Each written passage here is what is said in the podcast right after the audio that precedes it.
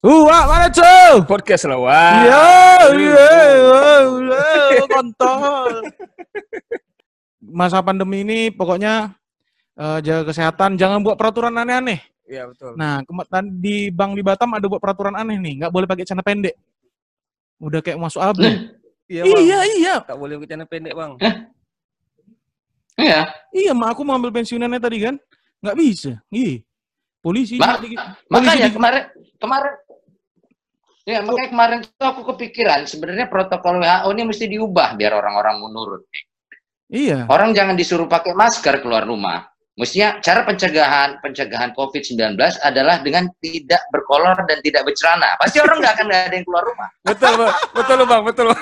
Dijamin. Itu mencegah tuh. Jangan kan keluar rumah. Keluar ruang tamu aja udah malas. Bapak kita kan kebal gabel kayak gitu kan. Mesti diubah berapa protokol kesehatan nih. Terus pakai masker jangan nutup mu- mulut atau hidung. Tutup mata. Iya, Jadi kan bisa keluar. aja udah. Gila, Iya. gila. Sekalian aja udah. Tanggung, tanggung. Oke, apa cerita nih? Itulah bang, celana pendek nggak boleh itu udah, udah sakit. Kalau di Palembang ada nggak yang aneh-aneh gitu sebelum kenalan dan lain-lain lah.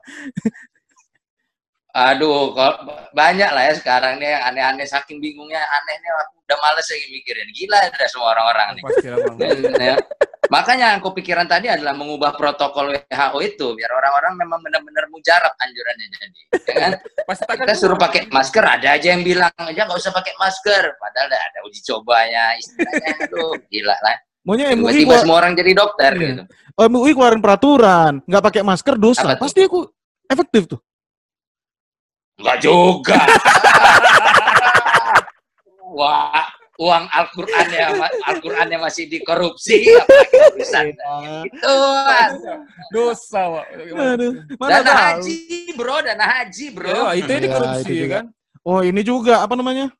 Eh Asabri juga itu kasus besar tapi Iya. nggak tahu ke mana tuh. Oke, oke. Sebelum kita masuk pantauan BIN, kita ganti topiknya. ya. Iya. Oke, oke. Tahu dulu. Perkenalkan diri dulu bang, standar Perkenalkan lah. diri dulu, apa Biarpun namanya. banyak yang tahu kan. Oke, halo, halo, halo, halo ya semua. Ini apa kalian nyebut pendengar kalian nih? Nah, nggak ada. Ada, ada, why aja, why. Why aja bang. Eh, wire, wire. Iya. Kali wire kayak band punk. Wire. Oke, dengerin podcast Wire ya. Wah, Hmm. Ini sebenarnya saya udah mantau banget nih podcast ini salah satunya. Saya suka mantau, aku nih suka mantau podcast-podcast yang ada yang bukan top 5 lah ya. Bukan Ya. berak, bukan Oh. lawless, bukan apa-apa. Nyari-nyari teman-teman yang di di dua. Nah, ini salah satunya podcast W ini. Saya Hmm. Rian, aku Rian Pelor ya, kemudian diajak sama teman-teman buat ngobrol ya. Aku nih ya anak gang biasa lah ya. Anak kan. kampung, pulau. Kebetulan Kami ini emang anak gang. Dulu ngeband. Dikasih Iya. eh, susu almond eh, ini. Pucat muka aku, Bang. Mus pucat. Bukan ada pucat. Naik sini Ah, aku. minum susu almond kau pucat. Iya, Bang. Oh ya? Senak sini, Bang. Emang harus alkohol. iya, coba coba kau campur dikit. Gak bisa, Itu Bang. apa? Iceland, campur Iceland dikit.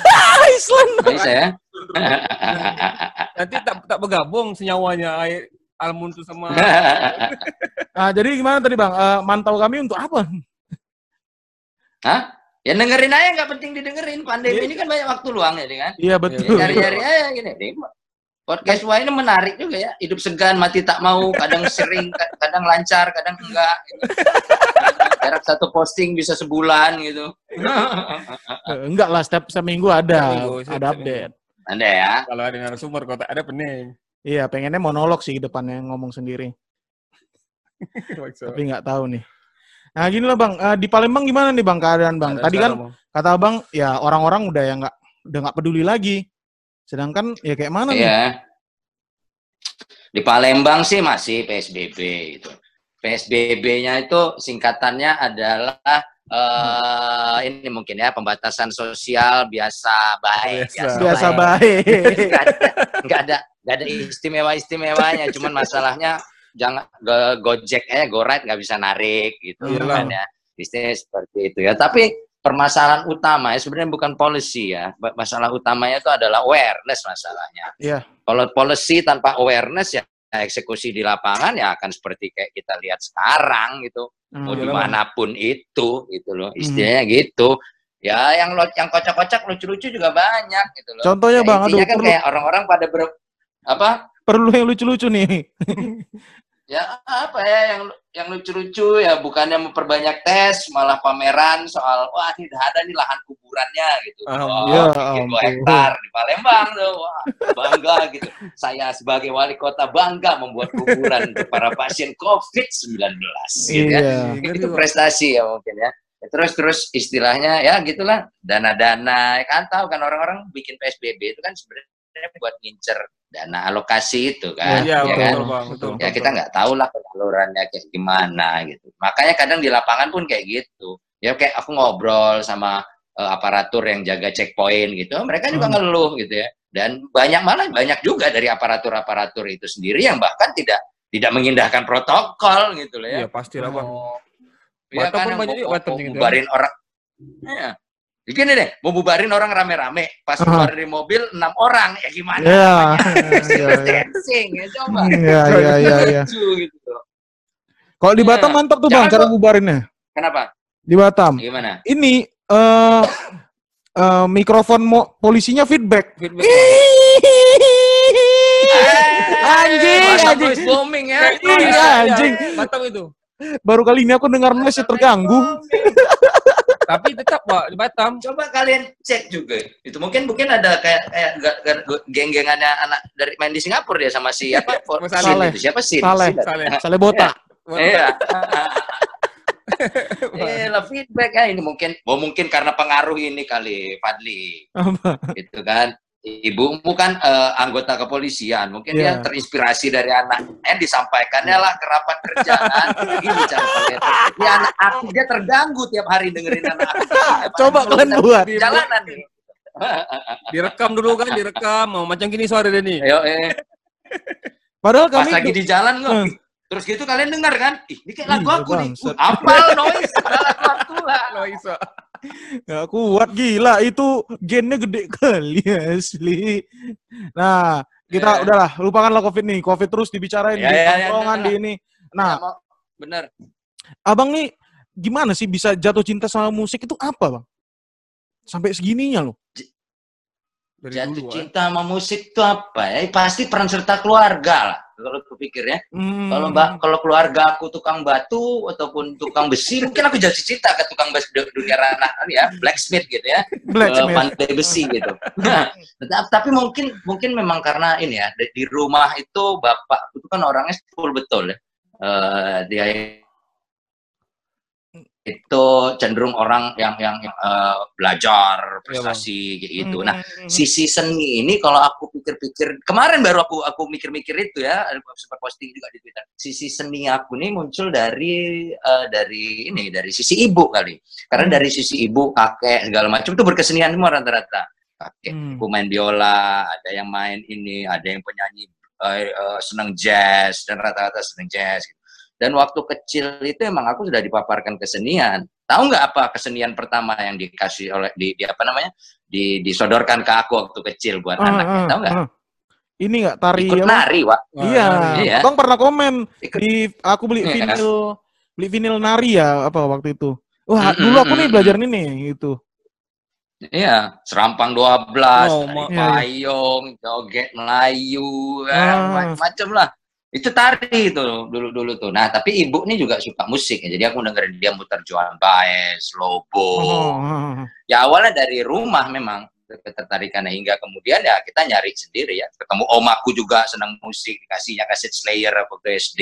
Allah, Ma- Rapat Slayer. Sepultura kayak gitu gitulah. Nah, itulah da- dari keluarga pastinya tapi dari Standar, Om. ibu ya. Oh, om iya iya iya Iya. standar. Oh, om pasti oh om yang kayak gitu-gitu sih. Kalau paman aku, tuh. kok paman Iya, juga kan, Man? Nonton bokep kan paman Soalnya kan? aku nggak punya Paman. temen lah. Aku nggak punya temen soalnya waktu kecil. Aku kan Hmm. pindah-pindah dulu. Bapak kan tentara kan, tinggal di Hmm. sini tiga bulan, nggak punya. Jadi nggak mungkin aku, aku dikasih oleh teman saya. Oh nggak, jadi yang paling dekat itu aja keluarga gitu. Keluarga betul bang. Om omku lagi berkunjung atau kayak gimana gitu. Hmm. Ket- Nah, ya kayak gitulah. Ketika SMP baru mulai ngeband beneran tuh.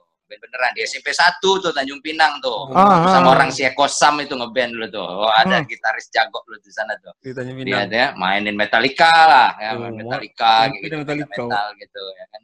Mhm. Nah, ya, kayak gitu lah. Tapi aku senangnya R&B dulu. Kalau nggak dengerin yang kencang-kencang, aku dengerin R&B aku dulu. Contohnya bang? Ya, Bobby Brown, Bobby Brown, Bobby Brown, oh. Terus kayak eh, All for One, aku Mhm. dengerin As we stroll along together, ya kan? Hmm. Gitu, semua jadi rata-rata rata lagi mencari, tapi yang yang itu lah, yang into banget itu akhirnya metal dan punk, udah dua itu. tuh. Tapi ada Punk alasan makin alasan lebih lah. tepat nggak sih bang? Karena movementnya atau karena emang "Ih, ini pas nih di kehidupan Yang aku. cocok gitu kan, yang cocok.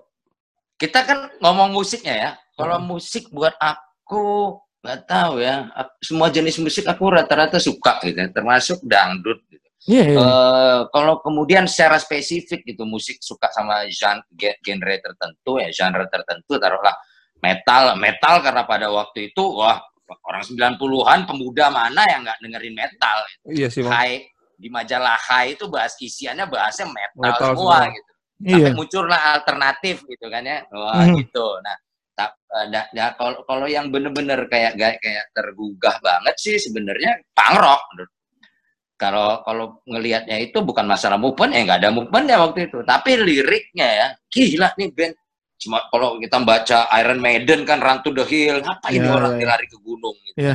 Gitu, lari ke gunung lari ke hutan terus Metallica nih lonceng ini berbunyi buat siapa sebenarnya Ride the Lightning gimana cara menunggang petir kan Iya, iya, iya, iya. Gitu loh. Hmm, Breaking Dead yang ternyata cerita tentang Nabi Musa Iya. gitu kan. J- jauh gitu loh ketika dengerin punk rock wah kayak secara secara chord simpel musiknya Iya. dan liriknya tuh dekat sama sama kita ya remaja yang sedang mencari jati diri hormonnya sedang bergejolak masuklah kan ya eh apa namanya misalnya eh lagu dengerin kayak No Effects gitu Iya. What Matter Our Parents These Days Mhm. kayak gitu gitulah terus kemudian Bad Religion dan Kennedy liriknya tuh bisa relate gitu ditambah kenapa sangat relate karena waktu itu kan aku tumbuh di era Orde Baru. Iya, iya, Bang.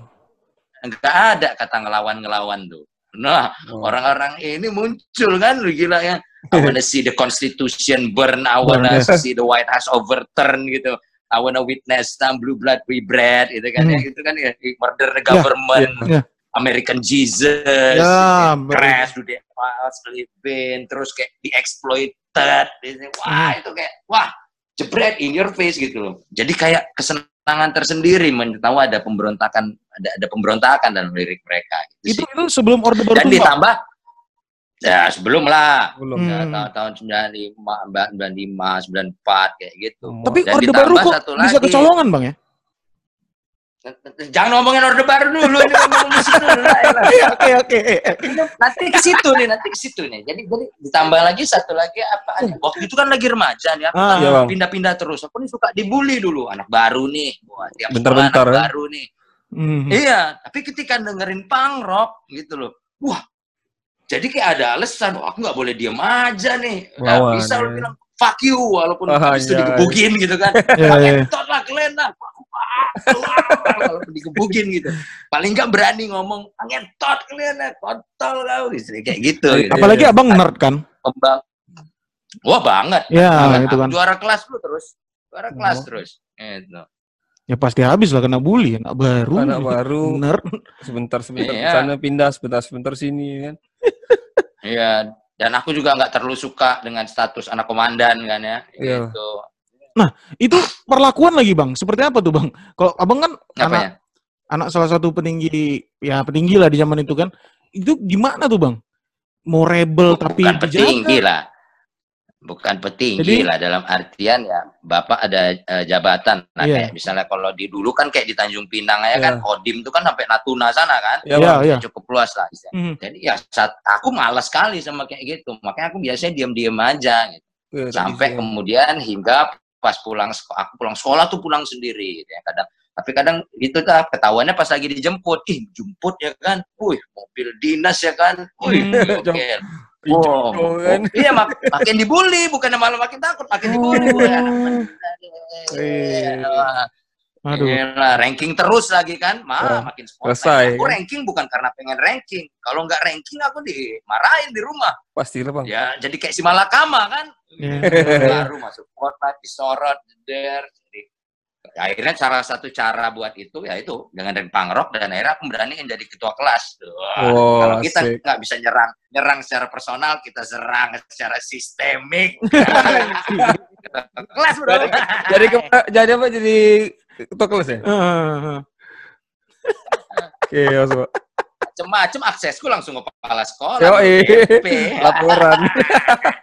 Ah, Ya, jadi ya itu kayak tadi kan itu kan sebenarnya pang contohnya kayak eh apa namanya eh ally with your enemy gitu-gitu kan Sex Pistols kan mm-mm. Eh, use your enemy Ya, sorry. ya. Nah, Ya, kan- using your enemy. Ya, itu kan apa yang Enemy abang media. terapkan kan gitu Iyalah. itu itu SD udah nerapin kayak gitu Enggak lah, itu? SMP ya. SMP, SMP? SMA. Ya. aduh emang berat juga ternyata ya jadi jadi pinter susah jadi anak yang ya pejabat susah juga Apa-apa dibully. Dibully kan. Iya. lah Ngomong ya, Pak. sabar bang ya aduh ada lagi nih gini gini Oh, gambarnya stuck, tapi ada suaranya nggak apa-apa lah. Iya. Kita ambil suaranya. apa terus bang eh Nah. Yang paling abang paling musik pang ini yang paling dipakai tuh pas di daerah apa tuh pas pindah ke daerah apa Sebenarnya enggak ya, sebenarnya kayak keba- paling kepake atau enggak, tapi dia itu menjadi apa ya? Menjadi satu benih empowerment gitu loh, Hmm. kayak memberdayakan pemberdayaan diri gitu. Yang paling paling paling luar biasa. Dulu kan aku hampir masuk tentara kan dalam artian ketika Ah? SMP itu. SMP itu cita sempat sempat mau masuk tentara gitu. Tapi bapakku bilang kalau kamu mau masuk tentara kamu mesti lulus ke SMA Taruna Nusantara. oh Bagusnya adalah nilai matematika tuh nggak mencukupi gitu ya. Nah, padahal yang lain dah, dah aman itu fisik segala macam. Jadi nggak masuk itu. Nah, satu yang jadi punk rock yang menurutku ini yang jadi kayak nan- benih pemikiran yang akan kemudian berguna di kemudian harinya gitu. Terutama ketika kuliah ternyata kita Mhm. ketika itu ya karena dia kan membuka pikiran kita nih kan kayak oh kayak momen pencerahan Ya, gitu ya. ya. Nah, selanjutnya itu ya jadi bertahap bertahap oh egalitarianisme tuh ini gitu loh. Mhm. Oh eh, anarkisme itu sebenarnya bukan soal bom. Oh demokrasi itu ini. Yang paling berguna kemudian adalah itu yang menjadi trigger aku ngambil kuliah sosial politik. ah Iya, karena negeri liriknya politikal semua kan. Ditambah aku pengen tahu ini sebenarnya ada apa sih di era itu pada waktu Indonesia ini gitu loh. tapi kenapa ki- pilih kampus itu bang Apaan? Pilih Baya. PD Jayabaya? Hmm. Ya karena tadinya aku daftarnya di Unpad. Mhm. tapi di Unpad gak keterima, diterimanya aku di Unsri ekonomi. Aku nggak mau, akhirnya aku udah nggak usah kuliah dulu lah. Akhirnya itu bapakku yang yang nyaranin. Gitu. Nih di Jakarta nih Jayabaya, ya nggak tahu ternyata kampus itu kampus sangat sangat drug lord banget tuh kampus. iya iya iya iya makanya kok pilih itu gitu tapi tapi dosen-dosennya luar biasa waktu itu, akreditasinya A waktu itu si oh Jayabaya. untuk sos- sosial po- politiknya untuk sospol, untuk hukum, hukumnya oke banget malah waktu itu. Oh. Itu. Gitu. Akhirnya itu. Nah, apa yang kemudian berguna banget itu menjadi pengantar yang yang membuka aku ke hasanah pemikiran yang berbeda gitu. Jadi Hmm. bukan hanya kemudian wah aku mesti jadi begajulan kayak gini enggak karena waktu aku nemuin pangrok itu tuh kayak di rumah ini kan sangat idealis gitu ya iya iya teratur disiplin aku nemuin pangrok itu buat peace buat buat bikin orang tua kesal aja gitu loh Loh, contohnya Gitu, jadi ya contohnya gitu ya ketika jadi ada contohnya rambut mohak gitu. Ah, Oh. ah, ah, ah. aduh Ada ah, rambut mohak, aksesoris kayak gitu itu ya kadang-kadang ya di umur belasan itu yang kita lakukan kan kita hanya untuk membuat orang tua kesal doang bukan masalah pencarian jati diri ya karena kita nggak mau Oh. disamakan ataupun diberi tuntutan sama kayak mereka. Nah di fase keduanya adalah ternyata membuka pemikiran gitu lirik-lirik Greg Graffin, lirik-liriknya kayak eh Penny Rimbaud dari Crash gitu kan ya. Terus kayak eh, lirik sarkasmenya NoFX kayak gitu malah iya. dan dan banyak sekali kentar unsur sosial politiknya gitu ya walaupun dengan angle yang macam-macam itu kemudian memberikan pemahaman di kepala ini saya mesti tahu apa yang terjadi di Indonesia sebenarnya Iya. gitu. karena mereka kan bercerita di konteks negara mereka kan iya iya Amerika Inggris ya negara-negara kulit putih lah istilahnya Relate juga. ya nah tapi kemudian aku nggak bisa nemuan eh, ada beberapa hal tapi aku mau ngelihat lebih dalam di Indonesia ini aku ambil jurusan sosial politik. Pangrok itu kemudian berguna ketika kemudian aku mengambil pilihan itu. Hmm. itu karena aku mau ngelihat kenapa bapakku yang idealis ini kok bisa disingkirin istilahnya ah, iya. kayak gini. Macam-macam lah. Realita yang membentuk eh kenyata istilahnya apa ya e, kenyataan dan realita membentuk kesadaran dari kesadaran membentuk pilihan. Jadi itu sih buahnya. Tapi di rumah abang abang bilang nggak sama orang tua eh pang itu gini gini gini loh gitu. Enggak lah enggak. Mana ya? ada? Mana tahu. enggak lah. Baru kemudian setelah setelah di luar melewati fase remaja baru aku bisa bisa ngobrol sama itu. Baru bapakku nyodorin gitu. Misalnya kan gue nih ada teman kamu nih hmm. di Metro TV misalnya ada Mike Marginal. Oh iya iya iya aku ya, ya. Dia dia dia paham kehidupan kehidupan saya. Dia aku nggak bisa namanya orang umur belasan. Ya, kita duduk ah, duduk sebelahan sama orang tua aja pasti berantem. Iya. Tanya Tapi, si Sarman pertama kali tatoan gimana ceritanya? Pasti nah, emang sama, sama lah bang. uh, nak dihapus dari kakak. Yo, tapi, kan? uh, tapi tapi kalau aku bilang sama ibu kan, kalau marah aku buat lagi. Oke dia mendiam. kalau dia marah buat lagi. Tato terakhirnya surat Yasin si anjing. Eh surat Yasin. Ayat kursi. Terjemahan aja. Ayat kursi. Ya ampun. Terjemahan. Lagu Kris ya, lagu Kris. Lagu Payung ya. Lagu Kris. Bagus bagus tuh. Iya iya iya. Buat nyari ah. pembenaran juga itu kau buat kayak gitu pasti. kursi, sampai tengok, sampai tengok. Eh, buat salah eh. sedikit tengok, buat salah sedikit tengok. Eh. Oke bang, eh. nah, kan tadi kan kental sekali dengan Melayu, abang suruh menari dan lain-lain. Nah, mm -hmm. uh, menurut abang di masa itu atau di masa yang lalu, ada uh, musisi Melayu yang harus dikenal seharusnya, tapi jarang orang tahu. Band atau apa? Uh, kalau aku ya, uh, kalau menurutku malah predecessor pedangdut seperti kayak Hanif Bahasuan, ya. ya istilahnya. Tapi aku sih yang paling melekat banget itu sebenarnya satu sosok sebenarnya. Piramli kalau aku. Gila ya. itu aku terekspos dengan Piramli itu sejak sejak SD aku udah terpapar ke ke ke, ke beliau ya. Hmm. Bahkan sebelum bahkan sebelum aku into like metal itu tuh Piramli udah ada kalau ngomongin Melayu ya istilahnya buat buat ya karena dulu kan di daerah-daerah kita kayak misalnya aku tempat tinggal di Tembilahan kemudian di, di, di daerah itu kita uh. pasti mesti pasang parabola kan Ya, nah, ya, bola kan kita nangkap siaran siaran TV 3, TV 3, TV 2, gitu ya. TV 2, TV 1. Gitu daripada Sri Mulat ataupun sosok-sosok Indonesia, malah sosok Melayu yang paling melekat, sosok budayawan yang paling melekat ke aku itu adalah Piramli, Piramli. jujur. Gitu. Dan nggak bisa di, gak bisa dibilang juga dia adalah aset Malaysia ya, karena dia adalah keturunan Aceh. Iya, Aceh. Iya, iya. Iya. Sampai jadi nama gitu. band dia. Itulah Piramli ya. itu jadi Raja Kapur tuh dari Piramli juga, Bang. Seniman Mujalapo. Iya, iya, Raja Kapur tuh tahu ya. Dia muda Raja Kapur tuh. Gila tuh hebat tuh. Kalau menurut gue, kalau sosok yang di Indonesia waktu aku, kita kayak orde baru tuh kayaknya susah ya. Istilahnya banyak sekali restriksi buat budayawan. Gitu. Hmm. Bahkan ketika kecil aku nggak kenal nama Rendra. Bener Piramli. Kalau yeah. bukan Rendra, bukan ini Piramli. Hmm. Benar. Ya, karena produk budaya sekitaran, iya. Melayu yang dan dan dan dan perlu diketahui ya Melayu ini kan ngomongin serumpun kan. Kenapa ya, kemudian ya, kok ibu aku Melayu? Karena orang Palembang juga ya Melayu juga. Ya, betul betul. Hmm. Melayu Delhi Sumatera ini kan Melayu sebenarnya. Melayu. Hmm, hmm, hmm, nah terus uh, dari Melayu abang kayak inilah dulu. Aku jadi lupa pertanyaannya Bang. Kalau bagus tadi pertanyaan Pakai skrip anjing. Ada Bang, ada. Cuma ini kadang-kadang ide tuh masuk aja tuh Bang. Ada lupa juga nggak tahu Bang lah. Nah ini nih, ini Raja Kapur kan baru nah. ngeluarin nih, baru ngeluarin hmm. lagu single, baru. Abang dengar single? Oh ya ya. Pendusta. Kapan tuh? Eh, oh iya iya. Ya. Yang pendusta bang. Udah udah rilis kan? Iya. Cuman menurut abang? Macam mana tuh bang? Ada berat sebelah atau macam mana?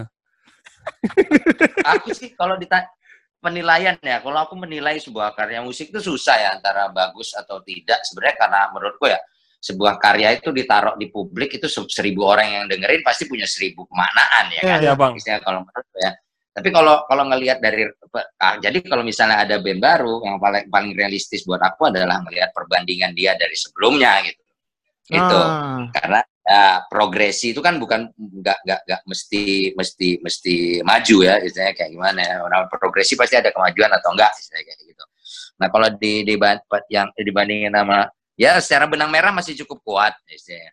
Tapi apa ya eh permasalahan ya Raja Kapornya Raja Kapor nih gitu loh ya ada yang kayak ya itu ya aja tuh dikit ya itu yang kalau kalau kita bisa ngerasain soul dari dari yeah. lagunya. Heavynya sih heavy heavy. Permasalahannya mungkin adalah ini. Kalau personilnya mungkin ke, ada di band lain di band ini di yeah. band itu itu mungkin akan berpengaruh ke ya karena apa ya jadi kita cuma bikin kayak bikin riff yang bagus gitu bukan riff yang yang enak. Istilahnya kayak, yeah, kayak, kayak kayak gitu ya. Itu sih hmm. menurutku masih kurang soulnya dikit lagi gitu Eh, tapi oke okay sih, oke okay, aku suka heavy. Hmm. Karena kebetulan eh. aja nih Raja Kapur, kita ngomong Raja Kapur juga. Nih kan? Eh. Dan juga pun aku pun sudah beralih ke senar empat juga bang, tak main gitar lagi. Iya, main bass. Iya. Iya, sian aku. Apa putus dua senarnya? dua. senarnya empat. Nah, Sumatera waktu di zaman zaman kecil abang nih, kalau yang underground ini kayak mana bang hmm, Sumatera ini? Underground bawah tanahnya tuh ya. Nah, waktu di zaman abang apa ya? SMA. Ya jelas kalau aku mulai ngeh akan band-bandannya pas SMP SMA lah ya. Hmm. Ya yang pasti yang paling dominan ya kita perlu akuin ya band-band rock, band-band metal ini kan tumbuh dari iklim kultur festival kan. Iya bang, ya, bang. Ikut kompetisi band gitu. band. Dulu istilahnya istilahnya kayak gitu ya, belum ada scene-scene-nya juga istilahnya kalau ya ketika itu ngelihatnya oh yang yang ngebangun salah satu momentum besar pada zaman dulu tuh kayak ada festival rock elok selebor kan? Iya. Itu kan itu kan. Itu kayak dulu di Tanjung Pinang aja aku nonton itu ya festival di kaca piring itu kaca aja udah. Dulu kan. Kaca puri kaca puri kaca puri kaca piring kaca puri gor kaca puri sih. Nah, aku mulai ngeh ketika ya terus kayak yang suka pak suka metal itu karena kita main nongkrong-nongkrong bareng aja istilahnya kayak gitu. Nah, tapi memang scene itu muncul dari tongkrongan menurut ya. Maksudnya kayak gitu. Aku mulai ngeh itu ngelihat ketika di Medan sih ya. Di Medan tuh udah tuh ternyata ada ya tongkrongannya anak-anak inalum yang di sini, yang di situ, istilahnya ketika datang ke gigs mereka ngumpul rame-rame gitu. Aku nonton gigs hardcore pertama kali itu di Medan, nonton hmm. Kupen waktu itu. Kupen. Istilahnya. Oh.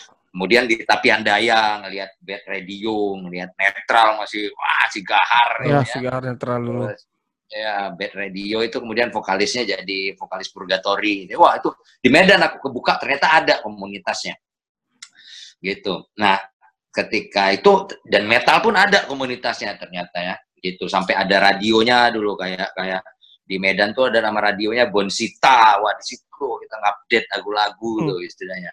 Hmm. Kiss gitu. Nah, ketika ngelihat itu, jadi makanya kalau ngelihat ngomongin komunitas, trigger aku tuh di Medan. Ketika pindah ke Palembang di situ aku mulai berproses. Oh, berproses. Nah, mulai bu, bu ketemu teman, kita nongkrong bareng jadilah embrio dari komunitas. Dulu itu emang kalau ngomongin komunitas yang ada tiap kota pasti ada, tapi mungkin ya hanya karena teman-teman setongkrongan aja lima orang tuh kartu yeah. kaset gitu kan ya kayak di Jakarta kan ada kan yang anak-anak di pit pub gitu yang datang ke klub itu. Ya teman dari teman-temanan kalau sekarang kan kita nggak kenal karena senang musik sama bisa jadi yeah. brand. Yeah. luas gitu. Kalau dulu ya emang karena teman satu sekolah teman satu komplek main kan? ini. Jadi makanya ada istilah ngeracunin kan? Ngeracunin nih gitu. ini. anak slang jadi kultura gitu. racun pak tapi emang metal dulu bang ya? Di mana-mana tuh metal dulu ya di Indonesia ini ya? Pasti metal dulu. Metal karena dulu, yang... ada hubungannya nggak sih dengan uh, konser tahun 92 itu? Yang mana? Metallica. Sepultura dan Metallica. Metallica. Sepultura dan Metallica ya. Aku pikir apa ya ini seperti aku bilang pang ini kan muncul sebagai tren itu kan bisa dibilang momentumnya di era-era 9 90-an awal. Uh-huh. Ya kan? Cuma jelang sampai ke Green Day.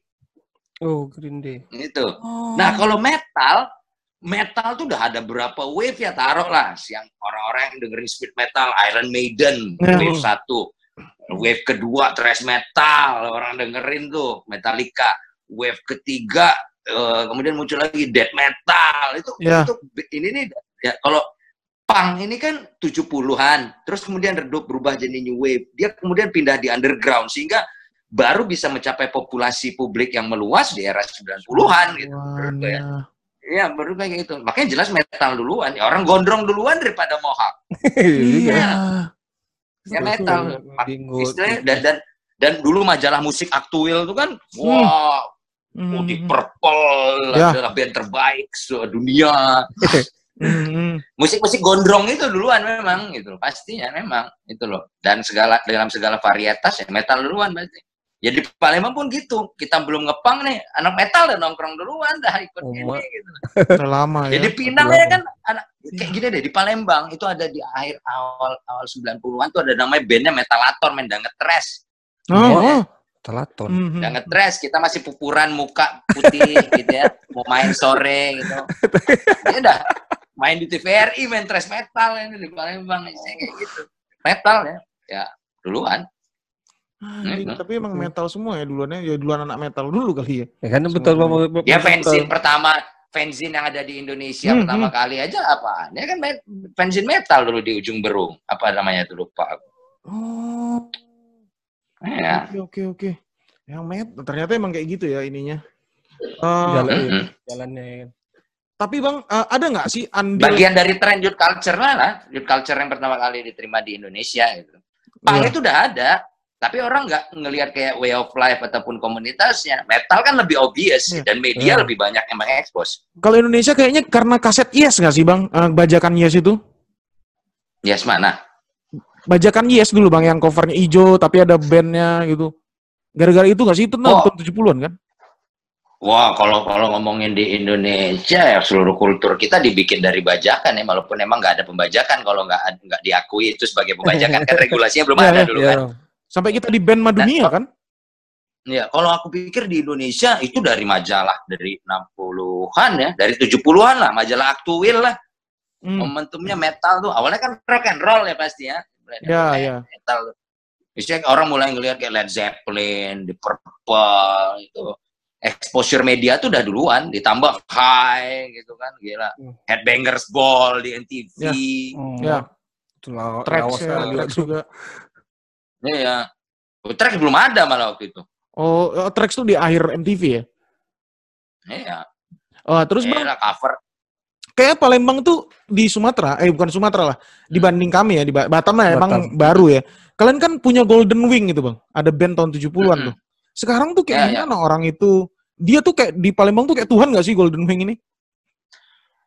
Eh, Tuhan. apa ya? Mereka udah meninggal semua personilnya kebetulan. Oh. Yang sempat ketemu sama satu personil terakhirnya itu basisnya Auman. Sempat ketemu deh, sempat ngobrol waktu dia di radio. Pada waktu itu, kalau ngomongin soal Golden Wing ya, dulu kan band-band ini banyak band-band asuhan ya.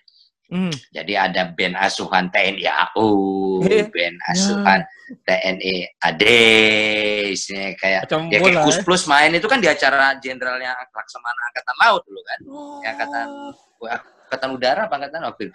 Jadi eh, kalau eh, tahu aku dulu Golden Wing itu ada salah satu band asuhan siap apa angkatan darat apa angkatan apa saya aku lupa gitu. Nah, saya mereka tapi waktu itu eh mereka cukup diapresiasi ya. Tapi mereka belum netepin genre secara spesifik. Kadang di satu sisi mereka bisa main Melayu, Iya. kemudian bisa main psychedelic, istilahnya ya karena visi karena di, di Palembang juga nggak ada akses buat ke situ kan. Satu lagi ada sebenarnya legend juga Ah, bang. dari keluarga besar Bayumi itu namanya Arulan tahun 60-an tuh. Iya, Arulan bikin. iya. Gembala Sapi sama Norma Sangar ada Ya. mainin kayak surf rock, musik lautan teduh gitu kan ya, kayak Hawaiian gitu-gitu. Ya. Ya, Ceng, kayak gitu. Arulan ada dulu. Arulan, Ya. Golden Wing, itu nama-nama besar. Arulan malah lebih berhasil dari Golden Wing. Karena apa? Mereka jadi band istana dan sempat main di TVRI. Betul, kan? Betul. acara TVRI dulu Betul. Arulan. Di 70-an. TV. Gitu. Iya. Iya, itu, 70-an, itu 60-an. keluarga-keluarganya si Saiba, keluar Saiba. malam, Anida yang punya Rosi Fatmawati. Iya, iya, iya. Jadi keluarga orang itu malah yang sekarang yang satu-satunya venue yang available kayaknya di- cuma itu kayaknya di Jakarta. Yang mungkin di tengah ya, yang mungkin di tengah dan Ya. dan, dan dan proper ya, mungkin ya ya, ya itu tadi Rosi Musik gitu. Kan orang tuh- ternyata ya. Iya, iya. Wah, itu wah dia punya legacy yang masjid. cukup panjang di Punya Palembang. masjid juga di Palembang kan? Ya, masjid, ya, percetakan. Radio tempat aku kerja juga punya keluarga Bayumi juga. Oh. Ah, pantes. Radio abang nih kayak mana sih? Kok bisa muterin lagu yang kayak gitu? Padahal radio itu kan beda istilahnya. No, Kok bisa kayak gitu? ya dikasih dikasih hak prerogatif karena karena sesuai segmennya gitu. Tapi kalau diperhatiin aku juga ada kompromi kok. Di segmen berapa, segmen berapa aku puterin top 40 rock dong. Ya kan? Iya, iya, iya, Tetap- iya. tetap eh, ya, segmen berapa, terus klasik rocknya yang kenceng-kenceng ku taruh di tengah. Iya, iya. ada juga. Lihat tuh. Tetap ada ada ada, ada mengakali selera. Gila taruh brutal truth track pertama orang baru. Masya Allah. Terkejut. Iya kan musik juga. tuh. Tetap, tetap. Kinerja sebagai radio untuk nge publik ada. Kalau diperhatiin kayak gimana-gimana masih nge publik secara keseluruhan. Biasanya kayak gitu. Tapi mereka cukup kasih kasih hak yang Iya. eh, kebebasan buat buat aku nentuin playlist ya dan terutama juga Fadli- program director. Radio abang nih wajib loh. Jadi eh, istilahnya eh, istilahnya udah kiprahnya udah nasional karena levelnya tuh udah beda karena jarang ada yang ngasih kayak gitu. Apalagi radio-radio besar di radio, besar kan ini yang punya abang pegang ini kan radio major kan. Tapi kok bisa Ya. kayak gitu? Itu makanya ini yang punya radio gimana ini apa? Oh emang yang emang emang emang emang emang eh, bosku itu ya emang dia, dia orangnya cukup cukup cukup apa ya cukup idealis lah kalau aku ngelihatnya tapi di satu sisi juga menghargai kreativitas gitu Iya, itu itu yang menariknya dari dari ini ya karena dari dari mereka juga ada open mind ya ada terbuka pikirannya gitu jualan itu bisa aja. dikulik lah Iya, radio di Batam Iya. aja nggak berani muterin lagu orang Batam. Eh, bisa Iya, dikatakan berani. Ini ini aduh nggak lah. Pokoknya seharusnya radio abang ini emang harus diwawancari di semua TV tuh yang yang program abang ini. Asli. oh Batam jarang ya. Nggak Indonesia iya memang bisa kayak gitu. Dulu ada ada tapi sekarang ya mungkin radio mau nggak mau ya industri yang lebih kompromi ya dalam artian ya karena pasarnya ada bergeser ya berubah cara orang menikmati radio pun berubah dan programku juga nggak muncul tiap hari muncul seminggu sekali kalau tiap hari munyeng orang gila Iya iya iya. Sawan, sawan. program kan spesial program gitu loh ditaruh di, di, di malam minggu dua jam gitu. istilahnya kayak gitu Nah, kalau untuk teman-teman di Palembang nih, Bang. eh, pandemi Hmm. Mau jalan empat bulan, Empat lebih. bulan, empat bulanan. Apa nih? Kan Hmm. stres nggak pernah nge-gigs, Mm-mm. eh, Ya. latihan pun takut-takut atau gimana? Mm-mm, mm-mm, Cara mengakalinya gimana tuh bang? Kalau kalau abang sama detention kan uh, via online kan. Tapi kok yang kawan-kawan yang lain gimana? Ya tetap susah ya. Istilahnya gini deh. Ka kalau rekan-rekan yang di ranah industri musik rasain impact secara ekonomi, secara Hmm. secara ekonomi ya. Kalau kita yang di ranah eh, scene musik kayak taruhlah DIY ataupun underground music scene ya, Hmm. impact itu emosional. Ya. Iya beda bang. Impact emosional ya karena apa ya? Kita kita membutuhkan itu itu sebagai bentuk pelampiasan ya dalam artian Hmm. sebagai katalis dan juga katarsis gitu Hmm. kita datang ke gig itu kan buat wah nih penat nih Nah, kerja nih jena satu hari kerja, ya kan? ketemu kawan iya iya Ki- kita kita butuh itu nah di masa-masa kayak gini buat aku pribadi itu ngaruh men secara emosional gitu. Betul. jadi bi- lebih kalau dulu tuh abis dari gig pulang dari situ kita kesal keluar itu stabil Iya, betul. Eh, nah nah kalau sekarang tuh nggak ada kayak nggak ada kayak outlet kayak medium buat buat ngeluarin itu gitu Mm-mm. Nggak ada Itu. kepala angin Kalau gitu. aku jadi ngelariinnya ke olahraga, olahraga jadinya. Bener, lari, jogging gitu. Kalau aku sepeda, aku sepedahan nggak nggak ya, karena sepeda buatku transportasi, jadi aku nggak anggap itu olahraga. sepeda Sepedaan. istilahnya. Aduh. Iya, sepedaan. Aku kantor pakai sepeda gitu. Orang ngapain? Orang ini transportasi gitu.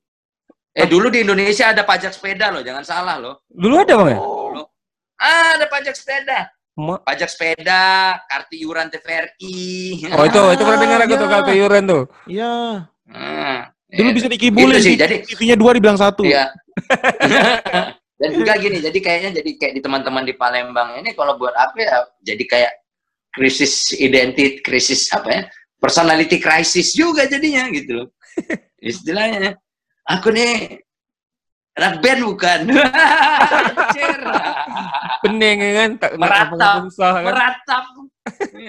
Sampai gitar jay aku bersihin biar agar tetap terhubung Ada- ke spirit musikal itu Gitu sih Jay. poles aku bersihin Saking tak ada kerja dia. Kami sih di sini Loka tuh jadi dibuatin studio tapi khusus untuk anak-anak. Nah itulah pelampiasannya ujungnya.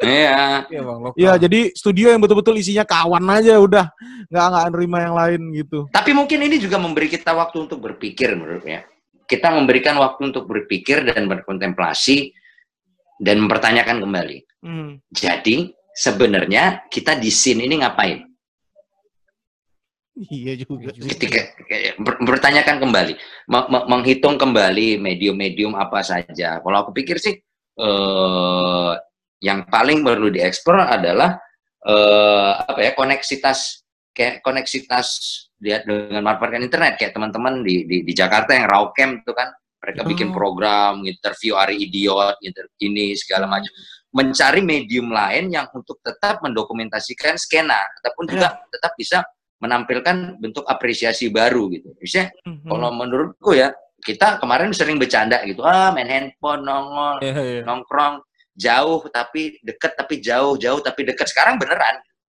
Jadi dalam artian dalam artian sekarang ini kita dituntut mau mengeksplor beradaptasi gitu. Beradaptasinya ya adalah ya mungkin mungkin selama ini kita alpa untuk mengerjakan media di ranah DIY kan sedikit ya. Iya bang. Mungkin Ya. ini saatnya ternyata buat menimbulkan platform-platform baru untuk media buat musik-musik yang ataupun kancah musik DIY. Betul, Selama betul. ini semua sibuk ngeband jadi lupa ada yang Lupa nulis. ya. ya. Selama ini sibuk ngeband ternyata lupa bahwa kerja-kerja pendokumentasian dan pengarsipan juga Ya, penting. Penting Kayak, ya. kayak detention sekarang gini kan, awalnya ah, ini ada kok videonya. Terus kan kemarin mikir akhirnya kerjasama sama PF Video Works buat mempublish ulang arsip penampilan detention di Lawless Inferno karena itu gig pertama detention di Jakarta. Ah, ya aja coba bikin bukan bukan bukan konten ya tapi mungkin malah untuk untuk untuk untuk me- me- meneli- menyelisik sisi-sisi lain dari kehidupan band-bandan gitu ya. Iya bang. menulis menjurnalkan Iya. Ada satu temanku Jim Rock tuh eh, Jim Rock dia yang bikin video klip Trendy Reject yang bikin Ah. video klip Auman juga dia sedang bagi proses proses finishing buat bikin dokumentasi scene eh, pang di Palembang Hmm. malah malah malah malah ini tuntutan baru gitu loh adaptasi baru dan aku sempat pernah baca juga di novel di ta- tahun lalu terbitnya tahun 2019 Songs for a New Day. Itu aku waktu baca wah ngeri ya. Jadi ceritanya itu adalah ketika dunia distopia dunia sedang pandemi sama seperti sekarang. Pandemi kemudian sekelompok anak-anak dari ranah musik underground yang yang yang yang yang yang apa namanya yang eksentrik lah. Mereka bikin gig rahasia. Men. Mhm. untuk mereka bisa tetap gig walau ada wabah Duluan. beneran loh Duluan Super- ya. kalau tantangannya adalah kalau mau mau mau survive di tengah kayak gini ya ya mau nggak mau ya kita punya punya klub yang mastiin bahwa semuanya sudah melakukan tes kita bikin gig rahasia gitu loh Ya. ya tapi punya ke- kembali lagi disiplin. Kayak Ya. orang bisa konser kok, orang bisa konser kok. Kayak, kayak di Denmark bisa konser. Ya. Di di, kon- de- di kemarin sih Flaming Lips konser di Ya. dalam bubble ya kan. Gitu. Permasalahannya adalah kitanya nggak punya disiplin. Ya. Akuin deh. Ya, Kita kan banyak orang nih, ah takut, takut, takut. Pas nongkrong ya nongkrong juga. Kan bener kayak model gitu. Hmm. aku aja kemarin diajak nongkrong ya aku ngelihat keramaian tuh masih kagok gitu loh. Dalam Betul. artian anjir nih orang new normal itu bukan normal gitu loh. Ini kayak judul up judul albumnya The Stroke gitu, The New Abnormal itu Ya. sebenarnya gitu. Maksudnya kayak Tambah tantangannya buat buat scene independen siapa ya? Kita kulik yang dimensi lain lah agar tetap Ya. terhubung gimana caranya gitu. Nggak mesti juga konser online gitu Iya, tapi betul. mengeksplor elemen-elemen lain gitu loh. Ya sekarang ah, jujur ya, aku nggak pernah ketika kemarin nggak pernah aku mau ngulik eh, video editing software ataupun Photoshop. Iya. Hmm. Dan kemarin ya aku ngedit video sendiri terus ke Photoshop gitu. Akhirnya kan. Akhirnya gitu loh. Istilahnya kayak gitu. Dan kemarin aku dengar cerita Is Pusakata. Banyak musisi yang kayak gitu kan mereka di studio gitu. Is bilang nih karena kondisi sekarang ini kayak mesti main live interview dan segala macam aku akhirnya uh, menyentuh uh, apa namanya sound card akhirnya is pusakata loh karena menurutku sekarang ini adalah selalu menjadi yang pertama untuk untuk untuk segala hal Ya, gitu ya. ya. Istilahnya menurutnya kayak gitu jadi kalaupun kita yang sin di pandemi ini sin mesti ngapain ya nggak apa-apa juga nggak produktif Iya.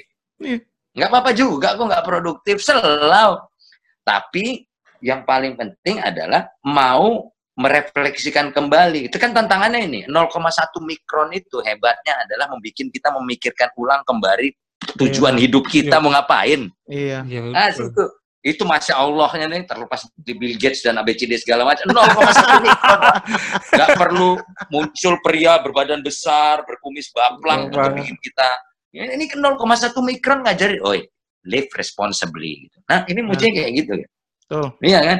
Sekarang kita mikir nih, kayak Lokasora mikir, mungkin pikir lagi, oh kemarin kita jalan acara ternyata boncos terus, pasca ini kita mesti lebih ngitung lagi. Kenapa? Kapasitas venue akan dikurangin. Iya. Mm-mm.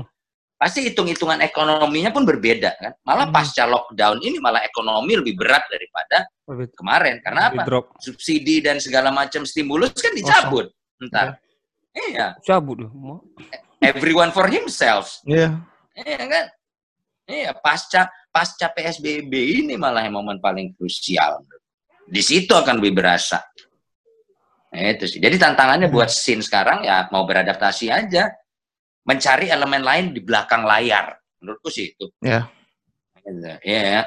Memperkuat kolektif ini jadi buat ngurusin band. Jadi band nggak ngurus sendiri-sendiri. Jadi Hmm. band, eh kita bikin video klip lah, kita bikin video ini ya, ini. Jadi bikin satu kolektif yang dalamnya ada videografer, fotografer yang bareng Ya, ngurusin iya, beberapa band. Itu kan lebih cuy. Band sekarang kan bingung kan, ah, Nah, ngapain ya kan? iya. Nah, Kalau band-bandnya isinya ada kayak Seringai bikin podcast. Siapa lagi? Doci bikin ini itu, band Iya ini sih. main live, Isana Sarahmati, isi Dewa Bujana live sama sama si apa? Si Jenderal Rudes. bapaknya Eva Celia itu bapaknya siapa namanya? Iya. Istilahnya kayak gitu. Indra, deh. Indra, Indra Lesmana. Jenderal Semana. Iya, teknologinya bisa kita akses kok sekarang kok. Istilahnya kayak Hmm. gitu. Kayak kemarin aja Semiotika konser live kan. Mereka Iya, pinter betul. sebenarnya. Indra. Permasalahannya apaan? Diajak ya, nggak perlu ngajak korporat macam-macam. Yang penting satu, provider internet. Mereka Iya. kirim proposalnya. Iya, pinter, betul. nggak apa-apa. Iya, gitu loh. Benar kok. juga. Karena provider itu Pamungkas, juga. Iya. Ya, kenapa kenapa tantangan buat band untuk me- me- biar dia tetap terhubung dan present? Karena nggak semua band punya reputasi yang besar. Kayak Pamungkas main dia konser online berapa tiket kejual 6000 Anjing. Nomor Si Hindia kemarin yang tur bayangan di rumah kan hanya konser rekaman tuh kan, Iya. rekaman dari konser tur mereka lima kota. Berapa kejual tiketnya? 2200. Ma, Anjing, anjing, anjing. Mamam no yang selama ini mikir ngeband tuh ah gimmick gimmick gimmick bukan gimmicknya yang lo pikirin. pikirin digital presence gitu loh bahwa band band kamu tuh mesti cukup kuat sehingga mau apa pun statusnya orang akan tetap ngeh gitu loh bukan cuma kayak butiran pasir di lautan gitu butiran pas itu. Tapi itu sih yang males. Kalau aku pribadi males sih gitu-gitu. Ngeband ngeband aja. nah makanya gini nih makanya makanya ini PR-nya PR-nya li Aha, kita yang ngeband males kayak begitu begitu Iya.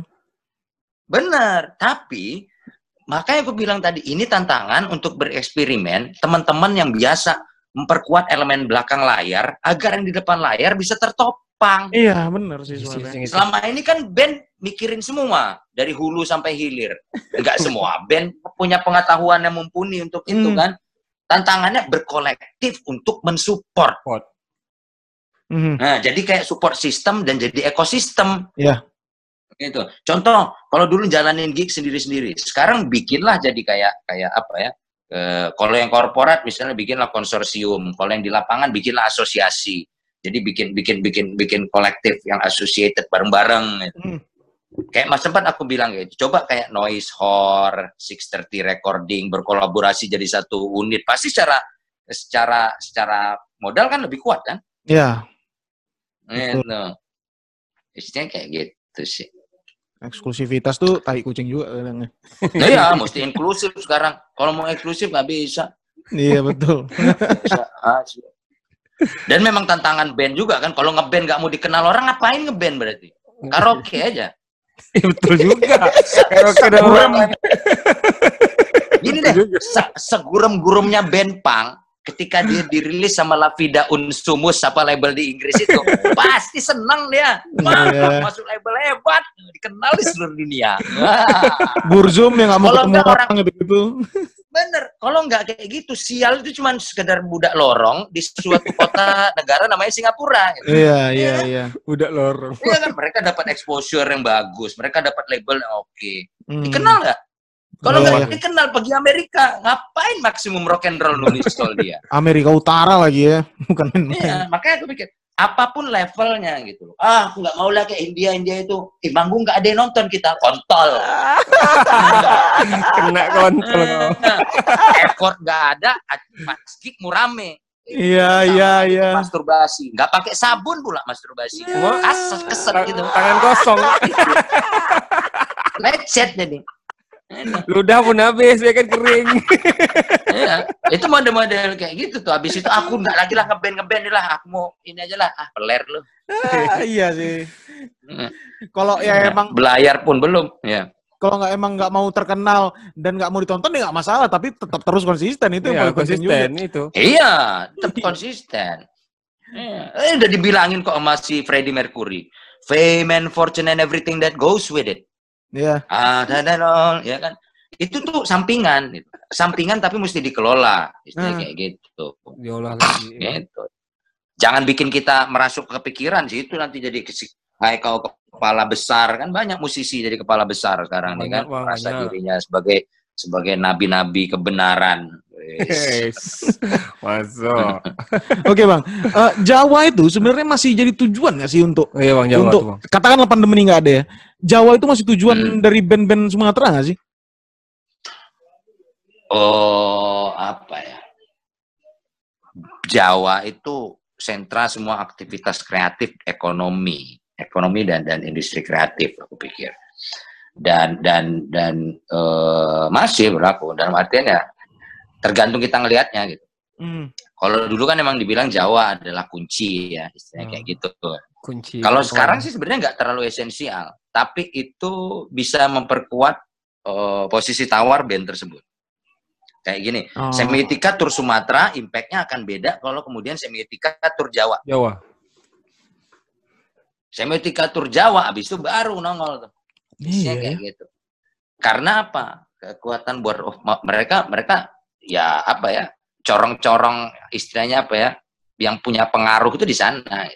Menurut aku apresiasinya Iya, sih kan? lebih gila sih sana. Jawa kan. Ya, di- ditambah ditambah ditambah juga mereka juga sekarang jadi sedikit lebih apresiatif ya. Kalau dulu kan susah ya. Sekarang Iya. sih itu. Aku pikir Jawa masih penting sih. Jawa masih cukup cukup cukup mau cukup penting kayak gini deh. Raja Kapur bolak-balik bolak balik sampai Vietnam. Kayak gitu-gitu aja dibandingin kalau Raja Kapur bolak-balik tur Jawa. Iya. Iya. Iya. betul juga sih. Iya. Juga. Iya kan? Iya. Kita main di Embrace Hall berkali-kali itu lain impactnya kalau main sekali di Rossi misalnya kayak gitu. Iya, iya, Kan? iya, iya. Impian kali, di, di bisa- disaster showcase taruhlah Hmm. orang Sibon Crutch ya kan Iya. sama labelnya kan mesti sama kayak eh, Doombringer Hmm. naik lagi disaster records wah naik tuh pangkatnya udah nambah sampai sini tuh Iya. Maju batu bata, naik batu bata. apresiasi ya ada ada ada a whole new appreciation dari dari ranah yang lebih lebih lebih ini Luas.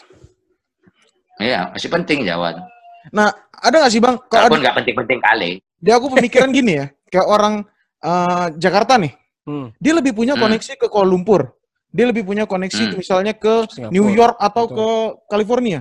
Tapi kalau yang kita Hmm. orang Batam, pasti punya koneksi lebih ke Johor, Ya, punya pasti. koneksi Hmm. ke Malaka, atau punya koneksi ke Hmm. ke mana kota kecil lebih lainnya tuh. Nah itu Mm-mm. emang kayak gitu bagaimana sih? Kota kecil akan berteman sama kota kecil dunia lainnya. kayak ada diatur gitu Iya, ya. kota Hmm. besar bakal berteman dengan kota besar dunia lainnya. Enggak juga mainnya enggak kurang mainnya enggak enggak kurang jauh berarti Iya, itu. mungkin, mungkin. Tapi kebanyakan kayak gitu kan. Tapi- kan. Tapi nggak disadari kayak gitu, Bang. Ujungnya kayak gitu. Karena apa ya? Mereka akan pasti ya, kayak gini deh. emang kalau misalnya taruhlah aku dari Jakarta nih, Uh-huh. nggak mungkin aku nyari link di Selangor gitu. Iya. Ya aku cari link di KL lah. Mana tahu karena tahunya di, di KL, Iya. isinya kayak, kayak, kayak pasti patokannya kayak gitu, kayak di Johor. Ya Johor karena kalian kalau naik boat ya yang pertama kali bisa masuk kan situ. Johor, tak ada Iya, langsung? KL. Iya, iya, iya. Malah jangan salah loh, malah trik untuk singgah ke Batam dulu untuk ke seberang kan udah dipakai sama anak-anak Jawa. Betul, Iya, Bang. betul. Rata-rata gitu. Petaka dan Iya, betul. kawan ya. Gerbong Relationship duluan. Ya kan? Straight Ya. answer. Mhm. lagi. Eh, Yes, no. yes, answer. Istilahnya Gerbang. kayak gitu. Kalau yang kalau ngomongin soal ngebangun jaringan duluan sih pasti Acak sih ya dulu ya. Acak sama Andre Ernesto kalau dulu. Tuh. Gitu. Jadi kalau kepikir kota kecil berhubungan sama kota kecil enggak lah, itu premis yang terlalu menyederhanakan kupikir. eh, ya buktinya orang di KL pas Auman ke sana, mereka uh, seneng banget ya ngeliat ada band dari Palembang ke sana gitu. Iya, iya, iya, iya. iya. Nongol rame, isinya kayak kayak kayak gitu. Sekarang gini, orang kita kita kadang permasalahan cuma satu sih, mental inferior, mental yang kerdil itu permasalahannya. Sekali mental kita kerdil, gini deh, mental kau kerdil nih, Hmm. depan kau Aryan gitu loh. Padahal tinggal kenalan doang, Iya, iya. Bre. Segan. Kau pasti segan gitu. Coba Iya, iya. kita bilang, Bah, bah, ini, ini, jet, jet. Oh iya nih aku ada demo nih dari CD Kapor. Kasih aja Kapor, kasih.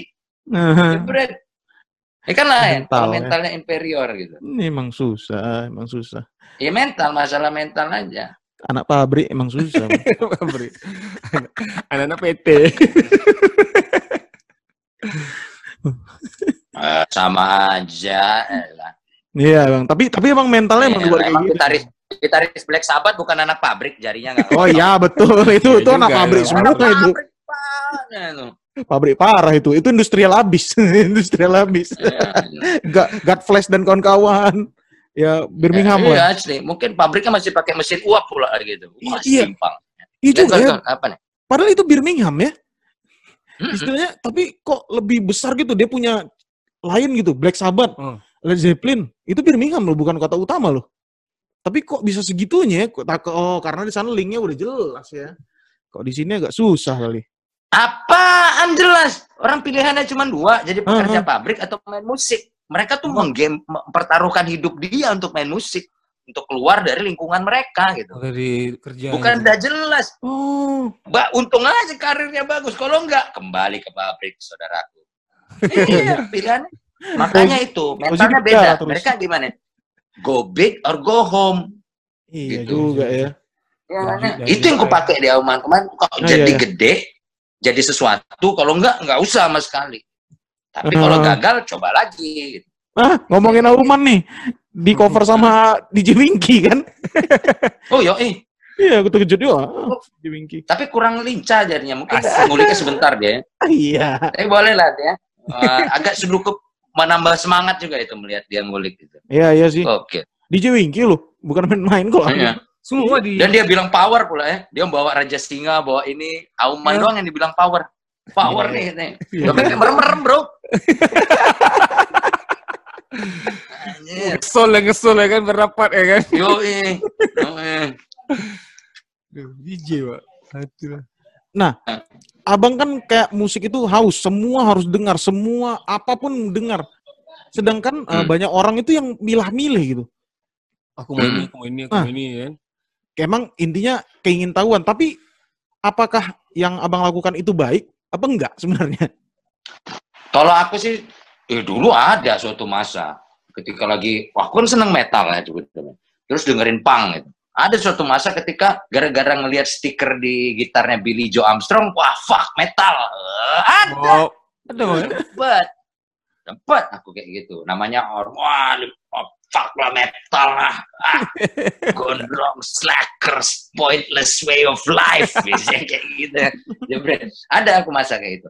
Tapi kemudian ada juga sampai ketika satu titik ya, ketika aku ini ternyata aku sadar gitu loh bahwa aku dengerin macem-macem sampai Bobby Brown aku dengerin R&B aku dengerin hip hop aku dengerin segala macam akhirnya aku sampai di satu titik ketika oh kuping ini nggak bisa didikte ternyata Hmm.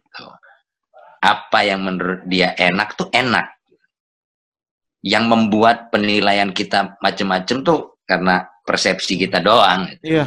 dengan segala hal yang dilekatkan gitu. Tapi jelas, aku pun kalau ngomongin referensi terbuka semua aku dengerin. Hmm. Tapi kalau ngomongin preferensi, aku ada hal yang spesifik yang aku senengin. Ya, ya, ya. Nah, yang membuat kemudian kuping ini terus terbuka adalah karena kebetulan aku bekerja sebagai jurnalis musik. Oh.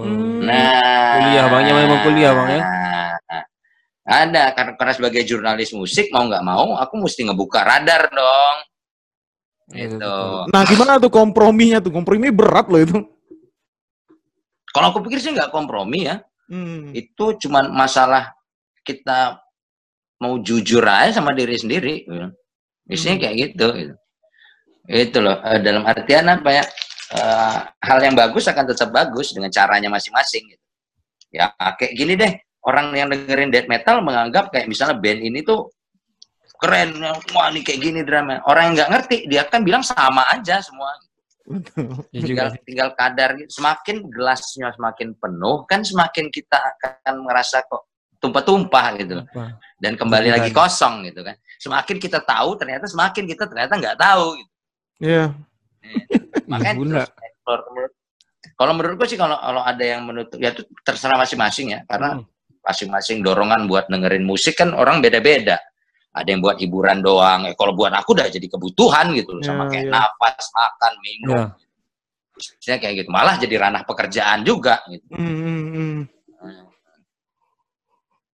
Segitu pentingnya. Nah, kalau pas Abang jadi jurnalis, eh, selain hmm. tadi uh, mendengarkan apa pun, hmm. uh, wawancara apa yang paling memorable, memorable, momen, nah gimana ngomong itu? Oh, wawancara ya? Iya wawancara kalau kalau prosesnya Ahmad Dhani. Oh? Aku butuh tiga hari buat interview dia. Oh. Ahmad Dhani. Nanti tiga hari. Hari pertama ngobrol santai, hari kedua baru saat ini baru ketiga baru interview. Itu Ahmad Ahmad Dhani. Kalau yang yang di Indonesia ya, yang paling berkesan buatku Ahmad Dhani. Karena ini orang eh, waktu dulu ya dia masih sangat musikal gitu ya. Jadi uh, ini orang apa ya? Dia mesti nemuin teman walaupun dia mungkin udah lupa sama saya. Dia dia ditaker kita men. Tapi mau ngobrol ya, ngobrol tektok tangannya sih itu aku ngeluarin, oh udah dengerin Sandra. Oh Sandra. dia kan eh, dia kan dengerin kayak Cassiopeia ini segala yeah, iya. macam. Aku juga akhirnya merekomen, mau ini bang, uh, Mas Dani dengerin Pink Floyd kayak gini gini nggak? Nggak ada band Perancis namanya Magma. Magma. Wah, kita tuh orang mesti kita bikin bahwa oh ini orang setara sama saya buat ngobrol. Ya. Itu. Kalau enggak lu akan dikasih remah-remah doang. Ya. nggak ada namanya kayak frequently asked question ke Ahmad Dhani itu nggak ada. Hal yang udah lo tanyain tuh nggak akan males dia jawab. Lu udah iya, tahu yeah, jawabannya yeah. sebenarnya itu yeah, gitu. Yeah. Yang nomor dua. Sabar lu bang. Dua Pas abang kasih magma itu apa Dave reaksinya dia? Hmm. Apa reaksinya apa? dia? Reaksinya dia pas abang kasih magma. Wah, nih, re reaksinya wah ini gila nih kita ini. Ini band sampai bikin bahasa sendiri nih iya. buat lagunya. Buat nabi sendiri dan lain-lain. Nah, komposisinya menggabungkan gaya free jazz sama psychedelic gitu ya. Istilahnya free jazz sama psychedelic tuh, yeah. aduh, gila ya rata-rata kan kayak psychedelic tuh gabung nempel-nempel tipis-tipisnya tuh kayak arah arah arah musik eh, heavy rock lah ya heavy yeah, yeah, rock yeah. ke psychedelic gitu. Nah kalau free jazz ke psychedelic itu kan gila dan frontman-nya deh frontman-nya drummernya mas hah katanya lu frontman-nya drummernya ting, pemikir utamanya kan si drummernya kan? Iya iya. Itu kayak, kayak kayak gitulah. Itu jadi ngobrol gitu. Hari ketiga ada beres interview aku pulang udah bawa oleh-oleh bawa wine bawa brom jajan. Hmm. Terus uh, Megadeth Al El masih kecil-kecil tuh Al masih cerita ini papa uh, saya ini ada yang naksir sama aku deketin aja. Aku nggak suka. Kalau papa suka, papa aja yang pacarin. gitu kan anak. anaknya gitu ya. Anjir. Anaknya kayak gitu juga. Keluarga kecil-kecil lah pada leboy. Degil. Lasa. Yang kedua Dave Mustaine pasti Dave Mustaine. Hmm. Dave Mustaine tuh crazy itu orang. Karena apa? aku menginterview dengan dikasih list pertanyaan yang tidak boleh ditanyakan. Sementara itu yang mesti ditanyakan. Contohnya bang? Nah gimana loh? Nggak boleh bahas soal Metallica ini dan segala macamnya gitu kan ya. Oh. Ah, jadi kalau menurutku interview itu ada seninya. Interview itu lebih bukan hanya sekedar riset dan juga bahan dan apa yang kita persiapkan. Buatku Hmm. interview itu lebih banyak soal eh, psikologis. Iya. Gitu. Karena kita gimana membuat lawan om, lawan bicara kita ini berada dalam posisi nyaman hingga dia Hmm. kayak bercerita dengan teman lama. Itu lama? Ya, yang kedua adalah membuat dia merasa bahwa dia tidak akan dihakimi dalam bentuk apa pun ketika kita berinteraksi dengan dia. Yang lebih parah ada lagi macam-macam. Gimana kalau nginterviewnya nggak boleh pakai alat perekam? Nah, ada yang kayak gitu. Oh. Jadi mulai aku ngeliat interview itu sini. Nah, waktu sama Megadeth, aku kan dikasih list nih pertanyaan yang nggak boleh ditanyakan. Waktu baru nongol aja, ribut nih lagi di ruangan kita rame, ada orang labelnya di luar nih. Orang di label ngomong berisik, cek cici ceti gitu lah di lorong kamar Hmm. hotel itu. Tahu nggak dia ngomong apa? Shut the fuck up back there. I'm doing interview here. Bos label di Indonesia digituin kan. Diem dong. Terus gitu udah, udah ngobrol, ada orang wartawan Kompas nanya, wah album Un- United Abomination ini kayak gini gini gini gini ya, political gini gini ya. Kamu dengerin album saya nggak? Kalau kamu nggak dengerin, gak usah bikin pertanyaan, gak usah bikin pernyataan, silakan keluar. Mo. Begitu. Dan aku mau nanya apaan? Akhirnya karena aku fans Megadeth kan, aku jadi tahu lebih banyak. Aku aku tanya dengan mempertanyakan hal yang menghancurkan harga dirinya. Hah? Orang yang egonya gede, kalau harga dirinya terusik, dia akan membela diri. Iya Nah, pula, iya iya iya. Iya, kan. Terus aku tanya, saya fans berat dari Megadeth. United Abomination, man, you kick Metallica ass with this album, man. Aku bilang kayak gitu ya. Aku, aku bilang kayak gitu. You guys still staying true, man. Megadeth rules. Aku bilang gitu. Yeah. But, seba- tapi sebagai fans, apa yang terjadi dengan album Cryptic Writing? Sampai lagu kalian jadi support olahraga pe- pegulat lah, inilah. A- ada apa sih? Gitu loh. Nah, di situ dia kesinggungan. Oke, I Anjing. appreciate you sebagai fans dan fuck you itu yang gue bilang. Tahu nggak pada waktu itu? Dia yang ceritain. Hmm. Aku cuma nimpalin doang jadi. Hmm. Fuck itu itu momen terbaik aku interview itu gila. Bisa ngalahkan seorang Dave Mustaine secara psikologis. Jadi reverse psychology, Gila, aku nggak perlu ini. nanya. Iya, ya, aku nggak boleh nanya hal yang ditanyain, tapi dia men- men- menjelaskan sendiri semua yang tidak boleh ditanyakan ke dia. gitu sih. Tapi aku suka interview karena aku suka berinteraksi dengan orang ya. Intinya kayak, kayak, kayak gitu sih. Jadi kadang pertanyaan tuh buatku hanya pointer doang. Kayak kemarin I hate God on the spot gitu. Mesti nyiapin pertanyaan interview, ya interview. Gimana sih akhir kan bang? Akhir kan orangnya gimana? Ya kayak I hate God itu apa ya? Mereka sangat Southern American ya.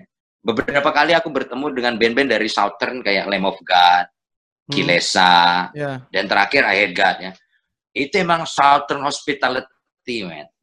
Da- eh, sisi bagian itu Southern Hospitality itu makanya cenderung ramah gitu. Hai, senyum, bers- bersapa, ngobrol, Hmm. cerita gitu. Ya kayak orang-orang Southern lah, orang-orang Southern itu kan nilai-nilai ke kemasyarakatannya cukup tinggi ya. Hmm. Itu beda sama orang yang kayak dari kota-kota besar kayak New York Ya. kayak yang Hmm. individualis, ah, fuck you man.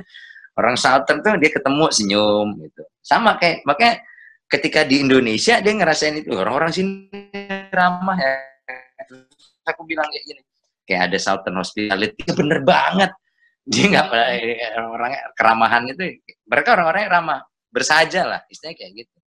Hmm. Ya itu Gilesa juga kayak gitu, asli. Ya. Aku pikir emang aku pikir kayak kayak kayak cuman ini doang ya, oh Southern, ya, Southern Hospitality kayak gitu, kayak Southern Comfort ya kan istilahnya kan itu kan nama whisky kan. Hmm. Istilahnya kayak gitu. Ternyata kayak gitu emang orang-orang yang mau negor, ngobrol diajak ngobrol nggak sungkan gitu walaupun gitu. Mhm. Asik. Eh, walaupun si Max Williamnya agak agak agak mengurangin interaksi ya karena dia cu- jaga stamina banget sih. Iya. Tapi yang lain oke. Bower nggak ada ya Bower waktu itu? Bauer cedera tangan dia kemarin. Oh. Dia nggak ikut tur karena tangannya cedera habis beres-beres rumah, keperitek ininya Oh, tendonnya. Iya, Minta makanya bantu orang. mesti ya. mau berangkat dioperasi, dioperasi nggak patah tulang di otot.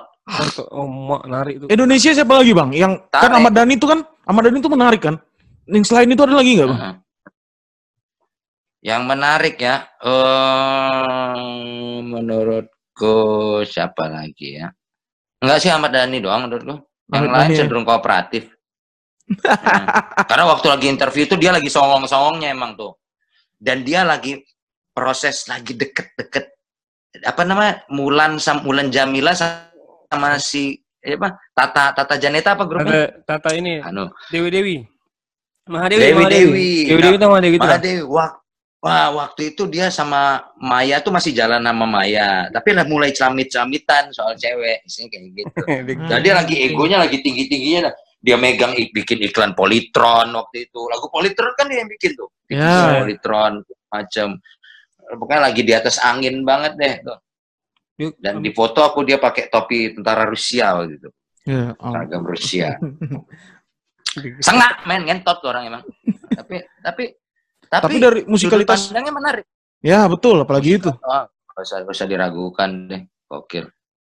Kalau menurut aku Waktu ya, itu dia lagi lagi di waktu itu dia lagi Islam Islam liberal banget waktu itu. Wah, dia eh, masa-masanya lagi sangat liberal. Moderat, cukup Islam moderat waktu itu. Karena sempat dapat ini kan, dapat penghargaan dari pemerintah Amerika kan karena karena Oh. sikap pandangan Islam dan musiknya. Ya. Oke. Kalau kok kau kan aku kan suka suka kali sama lagu Ahmad Dhani satu tuh bang. Eh apa namanya sudah itu Hmm. kok bisa city pop se- segitu ya dia ya? Emang orangnya tuh gimana sih bang sampai bisa buat kayak gitu dari sudut pandang abang lah? Eh basicnya dia kan jazz sebenarnya. Ya betul. Rock dan jazz. Hmm. ya kayak kayak masalah kalau dia city pop itu cuman kayak remah-remah dari jazz man Iya. Maksudnya, itu tuh kayak fusion ya kan city pop itu kan sebenarnya masuk genre-nya fusion kan Ya. fusion gitu hanya karena kemudian di spesifik di Jepang muncullah istilah city pop Hmm. kalau zaman dulu Faris RM udah bikin city Udah duluan. pop terus si teringat aku di masa Ya, ya, ya. lalu Oh, Aduh, siapa ya, benaran wah city pop banget. Itu penyanyi Singapura. Udah. City Pop udah main. Indonesia tahun 80-an tuh udah berapa musisi dah ada. Iya, ada iya, kok iya. kompilasi kompilasi City Pop Iya Indonesia ya. Di YouTube ada. di era-era 80-an tuh. Nah, kalau masalah kemudian se- Ahmad Dhani ngambil itu, ya karena aku pikir dia ngambil dari ranah jazznya, Hmm. fusion jazz, jazz fusion. Ya kan? Ya jazz fusion itu kan jazz bisa dilebur jadi pop sama ini sama Ya, itu ya. sama ini. Oh, saya ini. pecah-pecah ya. Iya. Iya, Oh, sama kayak oke. metalcore lah, metal tapi hardcore gitu. Bisa jadi kayak gini.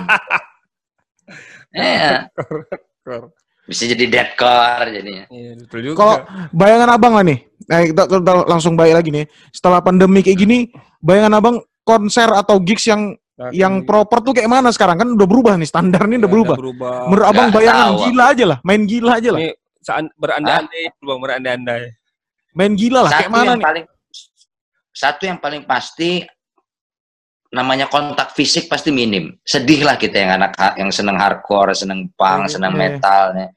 Eh kalau yang jazz, yang itu tepuk tangan, kontak fisik gak terlalu penting lah ya. Iya, betul, Bang. buat penggemar musik keras itu yang mungkin akan beri IDM juga susah. banget. karena kita ah, ah, ah, kak iyalah ya party party Iya. duduk ya taruh lah ya istilahnya yang yang yang yang yang yang, yang Hmm. memerlukan apa ya aktivitas fisik ya istilahnya Hmm. nggak usah lah kita ngomongin IDM lah ya anak Hmm. party tuh bodo amat lah pusing ya, juga.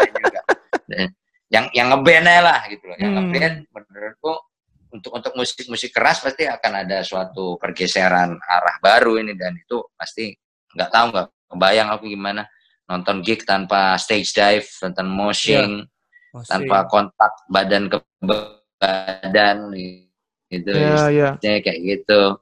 Iya, energinya nggak bayang pas. aja sih. Ya ka- ka- ka- kaku banget pasti kagok gitu. Jadi nggak nggak bisa abang bayangin. Asiknya Yoi, metal men. Dari jauh, dari jauh. Dari jauh.